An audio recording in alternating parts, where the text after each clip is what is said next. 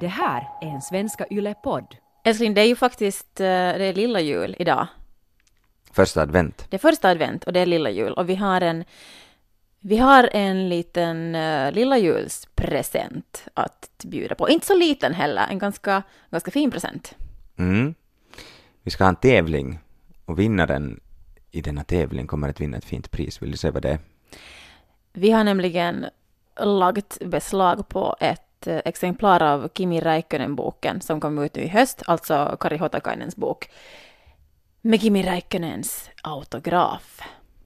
Autograf för eh, våra yngre lyssnare, det är det man brukar samla på före man brukar ta selfien med kändisar. Använder jag ett jättegammalmodigt ord nu? Nej. Men selfien har ju blivit den nya autografen. Att du är selfie med. Ja, ja, selfien är den nya nimmaren. Ja. Absolut, det, det är helt sant. Så du kan vinna en nästan selfie med Kimi Räikkönen. Och hans bok. Det kan du göra. Hur du kan vinna det här så får du veta i slutet av podden. I nöd och lust och Formel 1.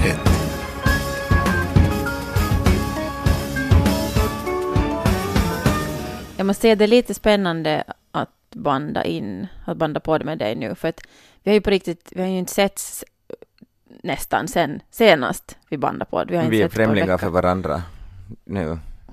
En vecka isär nästan. Ja. Nej, inte vet jag nu främlingar för varandra, men... Nej, men nu, alltså, men...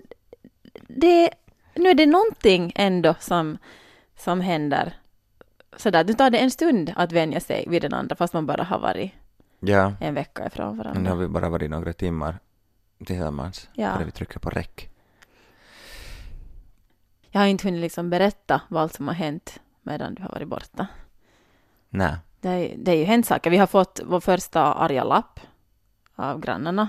Ja. Det var, och jag, jag vet inte hur länge den här lappen har varit där. För den var här på vår, eh, på bordet, här på altanen, eller vad, vad heter det där? Terrassen. Och det har ju bara varit mörkt när jag har kommit och gått, så jag vet inte. Nej, har det varit flera dagar? Men Jag vet inte, kan ha varit där flera dagar. Och jag tänkte att jag borde skriva åt dig. Det var alltså grejen den att jag hade lämnat bilen lite sådär mitt i vägen äh, på parkeringsplanet här utanför för att jag hade bytt vinterdäck på Mm. den och sen så insåg det jag det just när jag skulle hoppa i taxin när jag skulle fara till flygfältet och då, kom, då var taxin där redan och, Ja. och, och, och så insåg jag att nej, nu har jag inte flyttat den här bilen och sen blev det bara och så tänkte jag att nej men den är inte vägen, den, den klarar sig. Och jag har, liksom, jag har nog tänkt på det att ja, att nu har vi nu placerat den lite liksom mantigt.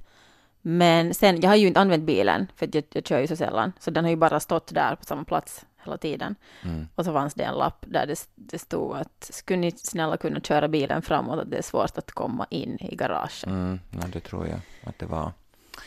Usch vad nollo, vad hemskt. Nå, nu lite. Det är faux pas i rad, som radhusbo. Att blockera grannens garage. Det, det hör ju till dödssynderna. Men eh, hur, ska, hur ska vi tolka det här? För att de hade signerat den här lappen inte med sina namn utan C-trappan. Är det liksom passiv aggressivt? Det är passiv aggressiv. Usch, nu blev jag... Åh, det där var ju helt hemskt. Ja. C-trappan. Vänligen A-trappan. Om ni skulle vara så finna det för gott att flytta så att vanliga människor kan Ja, men- använda sin lite bil. så. Ja, Lite så. herregud. Nåja. Men, jag- men jag tänkte också att, att jag... Men varför skriver man lapp? Alltså jag menar om det är en sån där ring, de har ju vårt Ja. nummer. Liksom. Jag vet. Det är en lite äldre generation. Det kan ju vara, det kan jättebra vara att de har varit och ringt på mig. Jag har varit hemma så lite. Men skriv ett messo eller skriv... Ja. No, vi kan ju vara de, de större små eh, människorna här då och kanske höra av oss och vara sådär förlåt. Ja, eller, eller så har vi ju liksom nu en jättechans att liksom starta beefen med Jag C-trappan skulle ju inte nu. orka. Jag skulle på riktigt inte orka ha Låt dem oss ha fade. Men jag vill på riktigt inte ha en grannfejd för att bo så här tätt ihop och måste undvika. Alltså jag undvek de här grannarna, grannfrun idag när jag gick ut med komposten. Jag såg att hon var här ute. Dels för att jag så där inte har tid nu och orkar inte prata och dels för att jag inte vill ta upp det här. Ja. ja. man är nog liten och fjantig. Men vi ska skicka ett mess och be om ursäkt och förklara något bra, tycker jag. Det låter bra. En annan sak som har hänt när du har varit borta. Vet du vem jag inte har sett? Nej. Jag har inte sett Ekorren, ekorren. när du skämtar! Vet du vad? Det här är, och jag, jag, har, jag har spanat efter den och försökt, försökt kolla och jag har fyllt på mat. Jag tror att de här ekorna, ekorrarna beter sig som eh, vilka nättroll som helst. Alltså om de inte har någon att provocera så sen småningom så, så slutar de att Så, uppenbara så du menar att sig. det, det, det, det att de kommer att stjäla mat, alltså för de som, av er som inte har, känner till bakstoryn så eh, har jag ett krig eh, med ekorrarna som stjäl mat från fågelbräde. Och jag jagar alltid bort dem därifrån. Och nu Och har de nu inte varit här de när du inte har varit här. hemma. De måste ju tycka att det är jätteroligt att, att du hatar dem och att du går dit ut och bråkar med Så dem. de bara, bara för att fittas så Ja. far de dit. De, de är inte ens intresserade av den där maten. En sån, en sån spaning. Okej. Ja, nu, nu, nu, jag tänker inte sluta. Jag tänker inte, jag kan inte, jag kan inte sluta. Jag kan inte sluta. Vi ska se om de märker att du har kommit hem. För att om jag slutar då har de ju också vunnit. Så att du, du menar att det enda sättet att jag vinner är att jag låter dem äta en stund och sen inte gör någonting och, och sen så ska de, sen tröttnar de. Alltså det här är ju bara, jag har bara kommit så här långt i min observation. Jag har inte kommit, jag har inte ett konkret förslag vad jag tycker det- du ska är det, göra. Är det så här man ska göra med nättroll också då egentligen? Att bara låta, ta deras skit eh, en stund tills de tröttnar. Att inte liksom gå i konfrontation med dem. Alltså det där är svårt, för så som jag definierar nättroll är ju folk som bara vill bråka och, och provocera och oftast ja, få andra människor att må dåligt Mm. och på dåligt humör, oavsett kanske vad det än gäller för fråga. Ja, det finns de som liksom, men ändå, ändå vill liksom provocera fram en debatt och vill, vill trycka på push your buttons. Ja, ja, ofta är det ju det de vill, de vill ju engelska. ha de här svaren, det, är ju, det är ju det de, deras Men näring. Sen, sen finns det ju liksom andra sortens troll som liksom skickar anonyma hot eller, eller skriver bara liksom sådär liksom hemska saker på folks, inte vill ha, de vill inte ha någon mothugg, de vill inte ha någon kommentar, de vill bara typiskt Som sprider hat som sprider egentligen. hat och osäkerhet och, och, och hot mot ofta kvinnor till exempel eller kvinnliga journalister som uttalar sig så, så får sen äh, det är ju den där andra sortens Mm. troll. Ja, och sen finns det ju, finns det ju folk som man känner att de kan bete sig lite som troll, men jag vet inte att inser alla troll att de är troll? Ja, jag tror det finns en variation där också. Jag tror det finns definitivt troll som vet att de är troll. Och så finns det säkert de också som bara är sådana professionella kverulanter som det heter på svenska, Mm. mielensä pahoittajia som tycker om att Ja. Men det är ju jättesvårt att veta. Alltså, om jag tänker på, på mig själv som journalist, eh, när jag får kommentarer på texter som jag har skrivit. När du, inte, du har ingen annan, de vet, kan vet väldigt väl vem jag är och va- varifrån min text kommer. De kan kolla upp allting om Mm. mig. Eh, men jag vet ju inte den här anonyma avsändaren som kommenterar. Så om jag har skrivit en Eh, en kolumn där jag har fått, oavsett om det är saker som jag kanske tycker är osakliga eller blir eh, sårad eller arg över, så jag har nog eh, alltid svarat. Och jag känner också att det är mitt ansvar som journalist att svara och förklara, förklara mig då ännu mer. Så där, där och också kanske för att, för att ge ännu mera då kontext till de andra som läser de här kommentarerna. Att där tycker jag inte att tystnad är effektivt. Men sen Mm. finns det ju också en orsak till varför det varför saker modereras. Ja. Ja, och, och bara ta bort det är ju väldigt effektivt om man har. Ja, ja för nu om kommer det ju jättemycket, gräns. alltså på, eh, också på, på artiklar på Svenska Yle så kan det ju komma bara eh, allt möjligt. Oavsett vad det är för artikel så kan det komma massa saker som bara, bara är osakliga och som inte alls för diskussionen framåt det finns en eh, poddepisod, en, en episod från podcasten This American Life, som är en av de bättre poddarna där ute. Från, jag googlade upp det just, uh, det är, den episoden heter If you don't have anything nice to say, say it in all caps. Det är episod nummer 545. Och där är en jättegripande historia om en kvinna som är, hon är komiker, uh, som får mycket hatpost och så vidare. Och, men sen så hittar hon en trollare och, hon, och hon kontaktar honom och, och det där och han ber om ursäkt och han blir helt jätteledsen. Jag minns inte exakt hur den går nu, men den är, den är helt hjärtgripande i deras konfrontation. Ja, man hör ju samtal mellan dem. Han, man hör samtal mellan Ja. dem och han, han säger att, vet du, att han, allting bara hade gått eh, dåligt för honom och han mådde jättedåligt. Han hade förlorat sitt jobb och han kände sig som en loser. Och så uh, var hon där, hon var, hon är väl, hon var också väl, överviktig och så vidare och så, så på något sätt, men så verkade det gå bra för henne. Så där, hon var, fram, verkar framgångsrik och så blev han bara, sa han själv, han, typ att jag blev bara svartsjuk och svartsjuk och arg och, och, och det där så tog jag ut det på dig liksom. Och Att han kunde ändå förklara varifrån det kom. Ja, alltså det här, den är helt grymt Ja. katarsisk för att man, de konfronterar det, de gråter tillsammans och han, de blir goda vänner typ och det, det är helt, de blir, de blir helt jätteintimt nära känner man under det här samtalet. Att de, det är sällan som, eller som det verkligen går från, går, går hela vägen. Ja. Men ah, jag behöver bara fundera på de här... Den här diskussionen om eh, män och unga män som faller utanför för samhället. Att är det, är det den typiska nättrollaren, någon som liksom mår dåligt och faktiskt känner sig utanför? Men nu skulle jag väl säga att det är en, en man som det inte går så hävt för, som eh, så inte den, så, så, så det skulle jag nog väl anta att det nog är i regel. Säkert finns det diversitet även hos nättrollen och vi ska inte sätta dem alla in i samma fack. Nej. men jag tänker bara, hur, hur skulle man då, då möta en sån person? Det är svårt att möta en sån person sådär anonymt online kanske.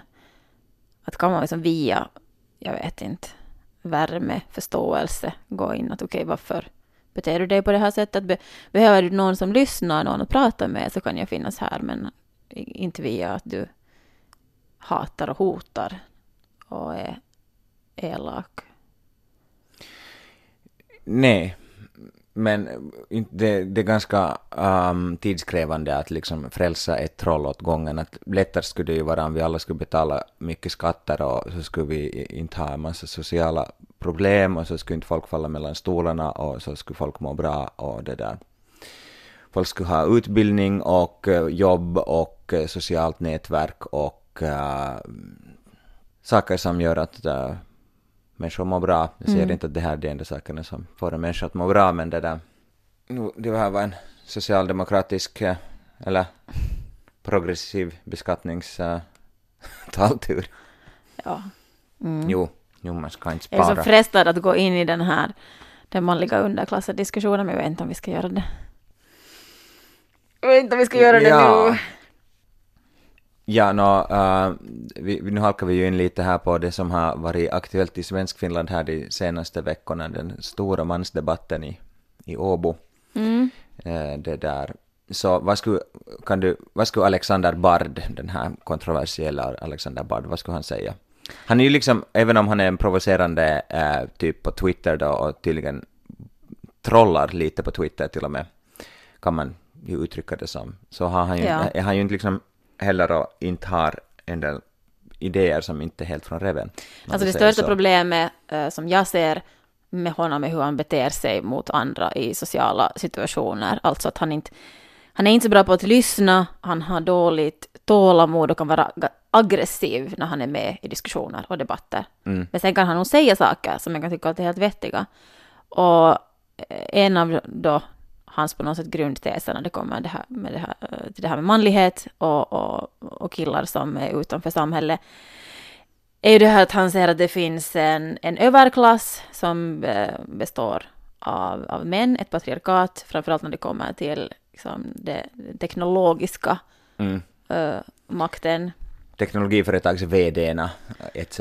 Ja, Mm. och, och sen har du en, en bred medelklass där kvinnor är överrepresenterade och sen en, den nya underklassen som främst då består av män, alltså som eh, kanske inte har någon utbildning efter, eh, ef- efter högstadie, som eh, ja, lågutbildade, lever en, ensamma. och ensamma och har inte social kompetens och känslomässig kompetens. Nej, och då har också bland annat tendenser att bli radikaliserade eller gå med, gå med i olika nationalistiska rörelser för att hitta, hitta ett sammanhang. Mm. Nå, en av de grejerna som han, han pratar ju om är att man måste hitta så här, nu vet jag inte om han säger det här, eh, men så som jag tolkar det som manliga rum som man har pratat om, om kvinnliga rum, alltså sociala sammanhang där det bara finns kvinnor, där kvinnor ska få prata om sina, sina frågor och utvecklas, att det behövs motsvarande också för killar och att det är de männen med makt som måste ta hand om de här männen som inte har makt och till exempel gå på mansläger ut i skogen, bara bara hugga ved eh, och där då prata om känslor, lära sig, lära sig saker, lära sig att ta makten över sitt eget liv och, Mm. och, och, och skapa sin framtid och sånt här. Mm. Vilket ju låter bra att ge män, som, eller människor överhuvudtaget som saknar viss kompetens i, över sitt eget känsloliv och kanske social Mm. sammanhang och, och, och, och över sitt eget liv. Jo, och att män behöver, behöver bra och vettiga manliga förebilder. Sen är det ju kanske, jag tycker det har varit lite med hela den här debatten om debatten här kring till exempel i Åbo eller så, som bara aktualiserar hela den här red pill och, och, och det här ma- mans, mans man, sidan av liksom ma- manlighets, ma- manosfären på internet som, som liksom ju är, som är toxisk och liksom från reven. Mm. Uh, och sen så har du då människor som uh, Alexander Bardell och så han som ändå framför sen i sak en del helt vettiga argument som, men som i form kan vara väldigt provocerande typer och, och liksom oschyssta till och med. Uh, nej men så det har varit så störande att, att sen ändå blir det så där jätte onyanserat att det blir att man väldigt lätt sätter in uh, folk i, i, i grupper och har onöd, stora grova, onödigt grova kategorier att liksom att om du är Alexander Bard så då, då är du en del av typ Red Pill. Den- Den, den, den uppfattningen får man. Uh, och liksom att man inte ser nyansen av grått i en mans, jag diskuterar mansrörelse till exempel. Ja, mm, Och, och, och samma sak som man inte ser nyansen av grått i, i feminismen, liksom att alla, det finns så mycket påståenden om hur, hurudana alla feminister är, att man blir helt Nej, men det handlar trött. ju, jag tänker att det handlar om okunskap från båda lägren, att man, eh, att man, man vet inte vad en människa st- står bakom, vad, vad, vad, vad för teorier och åsikter har en bard till, till exempel. Utan okay, man har hört att han en gång har kallat folk för horor och det, det köper man inte och då liksom är allting Då är skit. allting, barnen med badvattnet, allting är, Ja, men att man har... Mm. Att vi tar inte reda på saker, utan vi, vi köper bara den delen som när vår egen eh, syn, eller det som vi vill tro på. Som på, på, på... Du kan ju leta fram vet du, ar- argument för va- varför ska jag... Varför är feminism dåligt? dåligt. Så, Och så du- får du en massa argument där. Jo, jo, och du hittar ju en massa säkert bra äh, exempel på eh, feminister som säger orimliga saker. Och, och så kan du dra slutsatsen att feministen men är helt persästa. Och så är det ju inte. Vi har, slu, vi har slutat leva enligt devisen know your enemy. Vi, liksom, vi tar inte reda på, vi, don't, vi känner inte till våra eh, fiender eller de som vi vill eh, debattera emot, ut- utan vi känner till några uttryck som vi ogillar. Och det Mm. liksom räcker, vi köper, Mm. köper vårt motargument Ja. ganska löst. Så är det lätt att avfärda allting som hen har sagt. om vi nu ännu lite hålls kvar vid det här ämnet, så bara det att det diskuteras om att det finns problem, om, att- om att det finns en, en liksom en generation av unga män som, som det går riktigt dåligt för, och de här kommer, det här, och de här unga männen liksom blir också en risk för, för den, om de, de kan bli just radikaliserade åt fel håll om de saknar sammanhang. Så därför är det ju jätteviktigt och bra att, att tala på det här, tänka på det här. Och varför pojkar klarar sig så mycket sämre i skolan? Och varför de inte, eh, liksom, varför de sen lättare är så här så kallade välinputajia, alltså som hamnar utanför, Faller mellan stolarna. faller mellan stolarna. Ja, där, men där tror jag på, på det här att mm, vettiga, eh, utbildade, snälla män med goda intentioner som tror på ett jämlikt samhälle och på jämställdhet, att eh, de har en aktiv roll i, i det här att lyfta upp de här, de här killarna som är på botten. Jag vet inte exakt hur, jag vet inte om, om eh, läger i skogen eh, är, är, det, är det bästa. Men alltså för andra män som de här männen skulle tro på och, och lyssna på, så, att- så att inte de här liksom, killarna som, som är utanför känner att till exempel att, att metoo och, och det att kvinnor får det bättre, att, att sluta se det som ett hot. Ja, för det är ju den falska uppställningen att liksom att det att kvinnor äh, ska känna sig skyddfria och trygga från sexuella trakasserier har någonting att göra med att det, någonting är bort från dig som person, som man. Att Det har ju ingenting med det att göra. Det är ju liksom, där, där, där är alla bara vinner på att vi Nej. alla mår bra. Nej, och sen finns det ju den förenklade så att, att vissa, vissa killar som då som inte, inte känner att de hör till någon vit manlig maktelit som man har beskyllt för mycket. att Okej, men jag, jag, får ingenting av de här, de här Alltså är privilegierna. du, är du en loser, är du så kallad loser och, och sen det, ska du ännu känna liksom kollektiv skuld för allt som patriarkatet har gjort. Så det kan kännas ganska orättvist Mm. om, det, om det inte går så hävt för dig i livet. Och då, där behövs det bra och vettiga män som diskuterar grejer med, eh, med framförallt unga killar. Så man inte behöver leva i den tron. Men därför, därför ska män se på Formel 1 tillsammans. Det är ju det. Vuxna män gör saker tillsammans. Så jag vet inte varifrån jag har hört den här frasen om det är någon som beläst, beläst, någon renommerad sociolog som har sagt det eller om jag har bara hört det på krogen av någon. Men i alla fall så jag tycker att det, det har intuitivt kännas som, ett, som att ja, att så där är det ju. Att eh, kvinnor kan ses bara för att ses eh, som ett självändamål, medan män alltid behöver en, en, ett alibi, en orsak att, att ses. Någon aktivitet. Någon aktivitet, att se på formula eller att, att hugga ved just då, eller Mm. ah, att hjälpa till med någon, eller att fara någonstans eller så. Mm, jag vet inte om det här stämmer. Men stämmer det på dig? Ja, ganska, ganska långt stämmer det på mig. Ja. Men har du någon teori om varför det är så? Att man inte, att man inte bara liksom träffas på en kaffe och, och diskuterar? Ja, säg det. Gå på, ö, gå på kalja, det är ju, det är ju liksom nog fortfarande en sån här legitim aktivitet som man kan göra. Men kan det vara att, att, att man känner att man vill vara på något sätt produktiv eller, eller effektiv och att, att bara att ses inte då... Ja, det är sådär att, jaha, vad ska vi nu göra då? Utan om man ses och sen spelar man bredspel och då så umgås man Ja. samtidigt, och så ses man och ser på formula, och så umgås man samtidigt. Att, Ja, men det är ett, ett annat sätt att, att vårda sina sociala relationer. Vilket jag ju nog tror att kvinnor överlag är bättre på. Alltså speciellt när man blir lite, lite äldre. Så efter småbarnsåren så finns det mycket större risk för män att bli ensamma. Kyllä.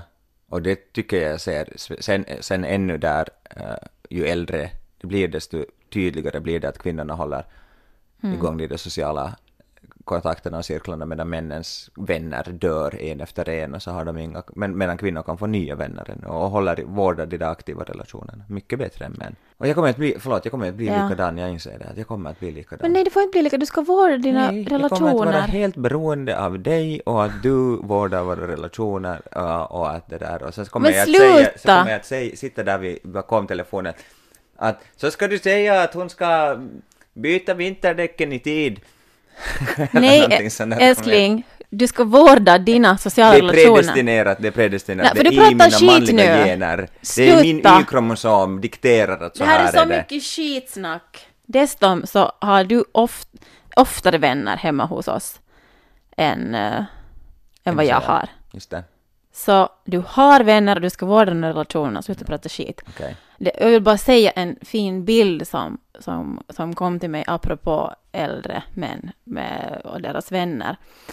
Alltså den starkaste, det starkaste minne jag har från min egen pappas begravning är hans, alltså hans vänner. Alltså så här, män i 60-årsåldern som står där vid kistan och, Mm. och, och gråter. Alltså det, det var helt jättestarkt och det, den bilden har kommit liksom tillbaks till alltid ibland. Mm. Och på något sätt, jag vet inte om det, man kan säga att jag blev glad, för det var nu allt annat liksom än en, en glad dag, men Men Bara- det kändes bra att se Ja. Ja.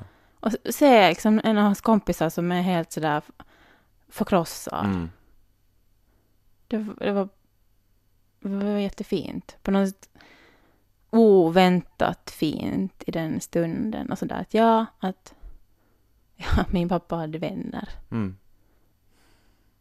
Så man ska vårda sina manliga vänskapliga Man relationer. ska med sig på Formula till exempel. Nå, till exempel. Vet du Jag vad? hade ju kompis här förra Men du hade. söndagen, vi hann tala om, om det. Du hade. Det var jättefint. det var Eller säger fint. jag, men jag, jag tror att ni hade fint, det jättefint. Det var fint. När man kan kommentera med all sin kunskap som Ja. man bara kan med en, en annan kultur, äh, kulturmans äh, Formel 1-entusiast. Men dessutom det. Ja, skådespelaren Patte Henriksen som också är en av de här fina, fina kultur, kulturmäns Formel 1-intresserade. Nåja, ser, ser du, det här är helt klart chunky in i dig, det här kulturmän som tittar på Formel tillsammans. Men Mm. får, jag, får jag säga här då att, att det som ni då, ni, sk- det här skulle kunna vara kulturmän för, för Formel 1, er så här mission att, att se på, på Formel 1. Formel 1 med, tillsammans med unga, med, killar. Med killar som har, det går rot för. Ja.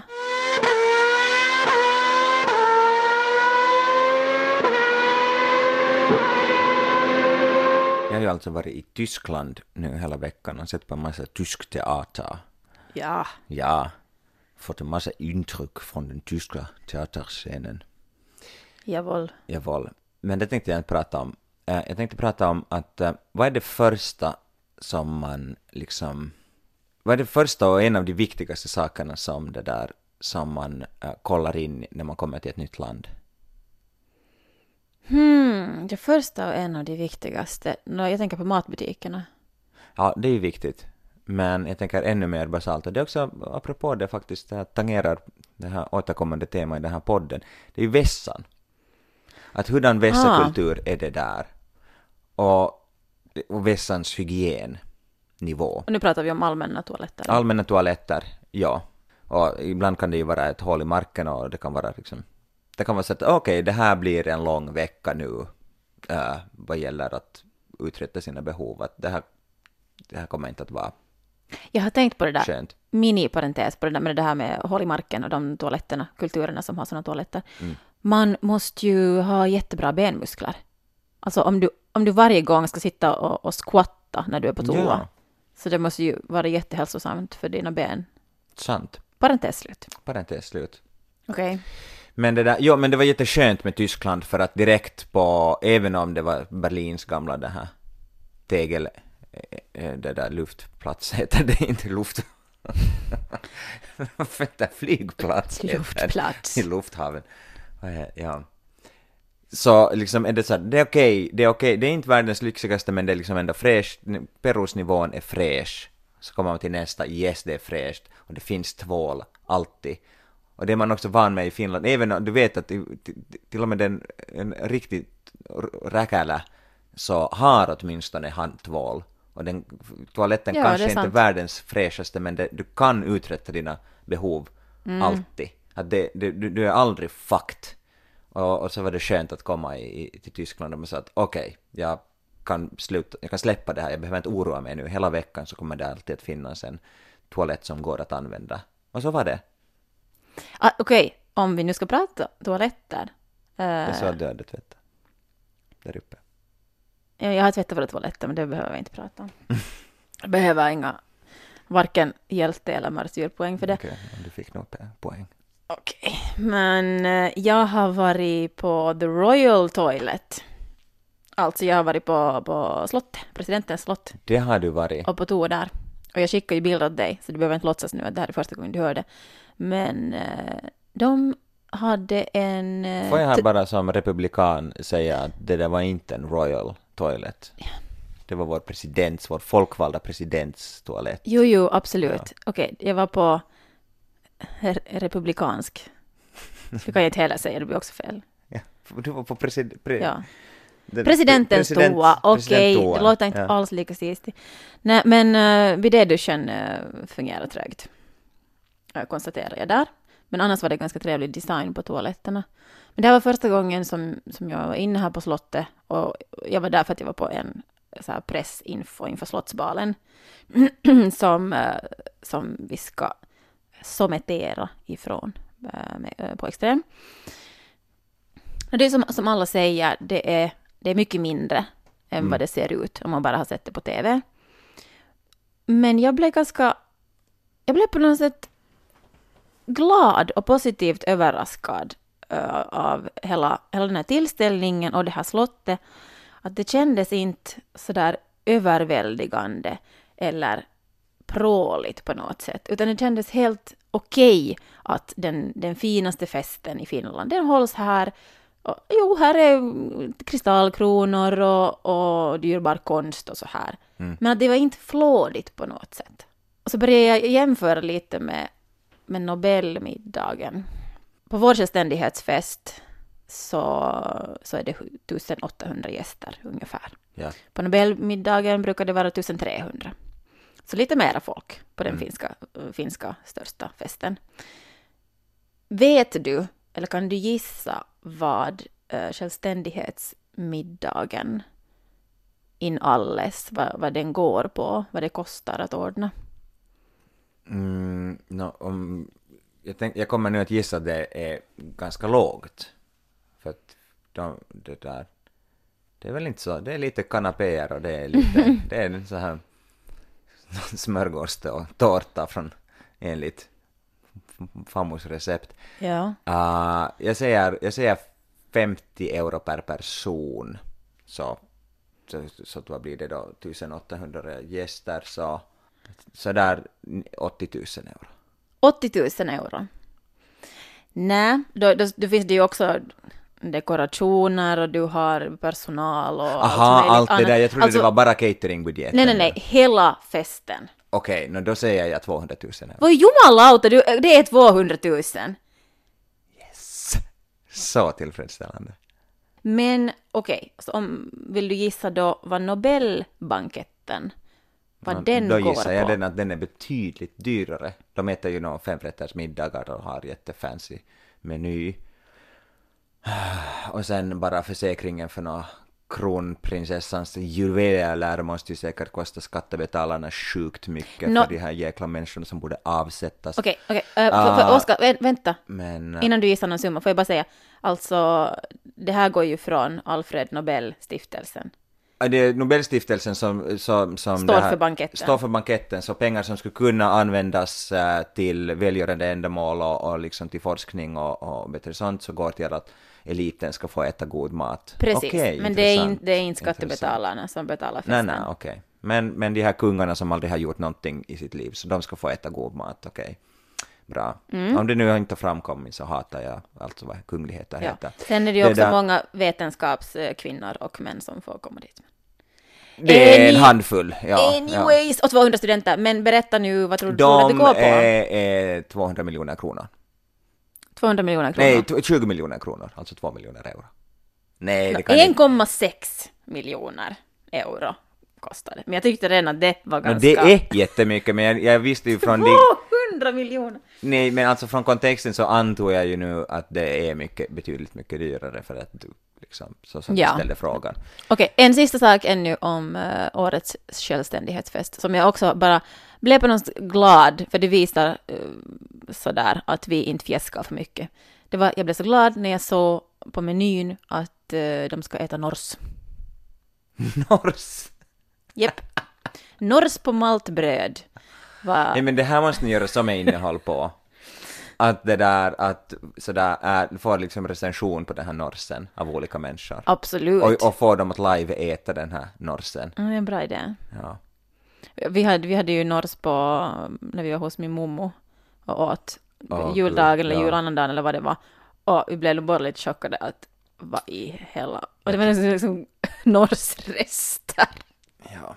Där, där, där passar jag nog på att inte försöka göra ett äh, gott äh, Sverssons äh, intryck utan bara ärligt så att nej men jag tror inte att det här är för mig. Jag tror att det var helt jätteokej. Nu ska vi berätta hur, eh, hur du kan vinna Kimi Räikkönen-boken om Kari Hotakainen och kanske ge den till någon familjemedlem som älskar Kimi. Okej, jag vill jättegärna ha den här signerade boken. Ja, Vad kom- ska jag göra? Älskling, du kommer inte att få den. så, så jäviga kan vi inte ändå vara. Nej, det du ska göra om du vill vinna den här boken som då är signerad av Kimi själv. Mhm. Du ska skicka in en haiku-dikt på temat Kimi. Vad är en haiku-dikt? Så jag kan veta vad jag ska skriva. Nå, man kanske kan googla haiku om man inte har koll. Um, alltså en haiku-dikt. Fem stavelser, sju stavelser, fem stavelser. Fem, är den sju, klassiska ja, haikun. fem, sju, fem. Jag säger så här att om man, om man missförstår det på ett kreativt sätt så är det också helt okej. Men en haiku-dikt helt enkelt på tema, tema Kimi. Uh, desto mera tänker jag inte säga. Och du kan skicka in ditt bidrag antingen eh, via ett eh, personligt meddelande på Instagram. Där heter jag Joppe Dikert. Eller sen kan du, kan du mejla på johanna.dikert.yle.fi.